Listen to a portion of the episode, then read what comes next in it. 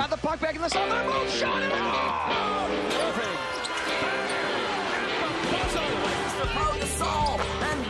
You want to go? Let's go then. Pagan coming in. Dives and he makes the catch. Locker Room, amb Ruth Vilar. Ruth Vila, com estàs? Bona tarda i bon any. Ja m'avanço jo, unes quantes hores abans, però ja et dic bon any.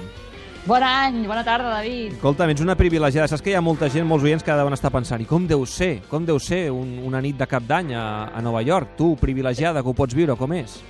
És sense raïm. Aquí no hi ha el raïm i hi ha el compte enrere quan queden 10 segons fan, perquè s'acabi l'any, fan, fan un compte enrere. Jo no hi he anat mai a Times Square, que és on solen anar els turistes i, i la gent que vol fer coses molt típiques, com la gent que eh, va a la Porta del Sol a Madrid. Doncs jo no hi he anat a Times Square, que és allà, allà, on baixa allà, aquella allà també baixa una, bola. una bola, no?, com a Madrid, no? Sí, exacte, baixa la típica bola, però sí ara està molt aviat perquè tanquen per seguretat i, i es, es veu que hi ha molts embolics allà de gent i jo, jo no hi he anat mai i nosaltres, com suposo que la majoria d'expatriats, fem doble celebració. A les 6 de Nova York fem la celebració de les 12 de Barcelona i a les 12 fem la celebració amb cava, amb xampany, amb tot el que calgui, amb els nord-americans. Mira, doncs d'aquí uns minuts ja faràs la, el primer cap La d'any. primera. Eh? La primera. Escolta'm, um, t'hem volgut trucar uh, perquè ens expliquis una mica, perquè ens passin cinc cèntims, perquè ara que estàvem sentint resums de l'any, que estem repassant el que ha passat a tot arreu, volíem també que ens destaquessis d'aquest 2016 esportivament als Estats Units. En què t'has quedat? Doncs jo crec que podríem fer diversos apartats, David. Un seria de retirades, no? on jo crec que per sobre de tot hi destacaríem un nom aquí a l'esport americà, que és el de Michael Phelps, que s'ha retirat amb, 8 medalles, amb 28 medalles olímpiques, eh, un palmarès increïble i, a més a més, amb 5 ors i una plata en els últims Jocs Olímpics de Rio. 24 years in the pool, 23 gold medals, 28 overall medals. És un reconeixement, sens dubte, merescut per a Michael Phelps, tot i que he vist, Ruth, que Sports Illustrated ha triat mm. LeBron James Sí. com a personalitat esportiva de l'any, no trien a Phelps. Sí, sí, sí, tens, tens raó. Jo volia destacar l'Ebron, però, en l'apartat més d'equips, no? perquè per mi el bàsquet és una cosa d'equips. Eh, i, I a nivell d'equips, subratllaria, crec que per sobre de tots, pel que he viscut aquí, és la victòria dels caps de béisbol després d'aquells 108 anys d'història sense aconseguir La el història, títol. la història de la cabra, eh?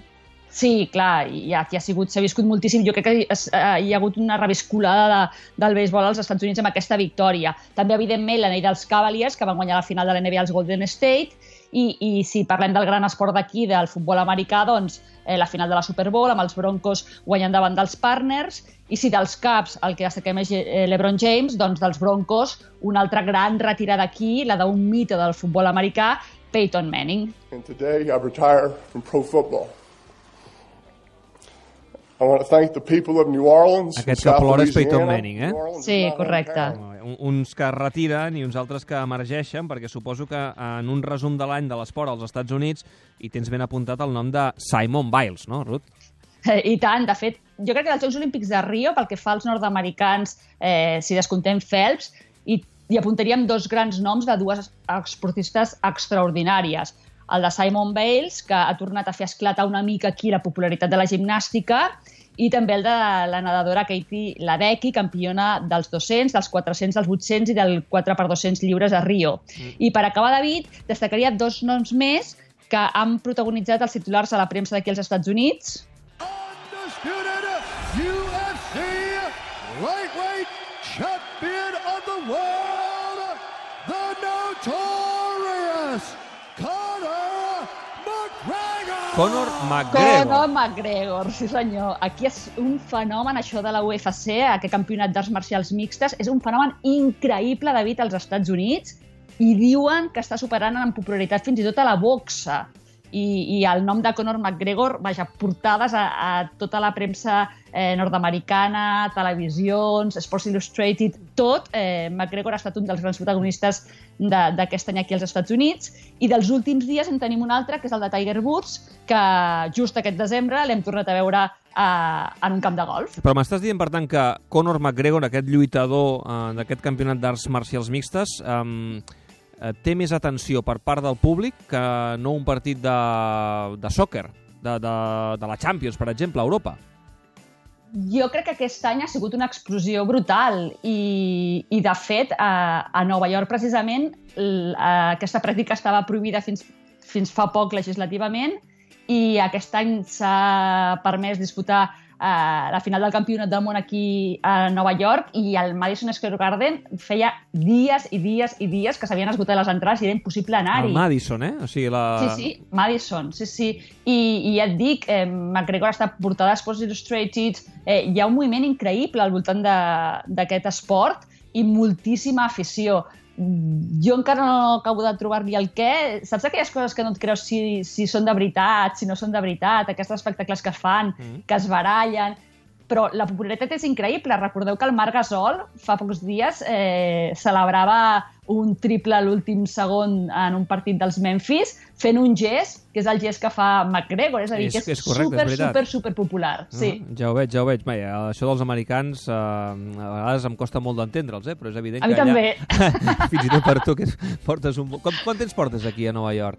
Dos anys i mig. Dos anys i mig, encara et costa entendre'ls, Però imagina no pels que estem aquí a no. Catalunya. En fi, per cert, què, què, què soparàs avui? Eh, doncs eh, normalment es fan tipus canapés i coses així una mica per picar i, després, i per beure xampany. Ah, lleugeret, eh, per això? No, no, és, no és allò un sopar d'aquells allò abundants, eh, estil Thanksgiving Day. No, perquè per ells se sopa molt, molt tard. Tu pensa que aquí normalment la gent sopa a les 6 de la tarda, no? I, i això ho fas allargar per poder celebrar el cap d'any i... Vaja, el, els que jo he estat, eh, tampoc soc una experta, però no hi ha un sopar típic eh, com Thanksgiving, que la gent s'asseu una mica més. És més un pica-pica així festiu i fred. Molt bé, escolta'm, um, Dia de Reis es celebra? Ah, no, oi? No. No, no hi ha No. Reis. Doncs, Però jo sí, jo sí. Ah, tu eh, sí. A, a, a mi sí quedarà que no i no em regalaran res. Va, ja revisarem, ja revisarem les agendes i a veure si el cap de setmana que ve, ja quan tornem a la normalitat, amb l'hora de sempre el tot gira, doncs sí, si fem lo que és rum o no. Ja, ja parlarem tu i jo. Que quedi clar, Reis d'Orient. Jo sí celebro els Reis. Podeu passar per Nova York. O els agafa una mica lluny, eh? Però bé, no sé, tu mateixa. Però són màgics. Ruth, molt bona entrada d'any. Molt bé, igualment, gràcies. Un petó. Adéu.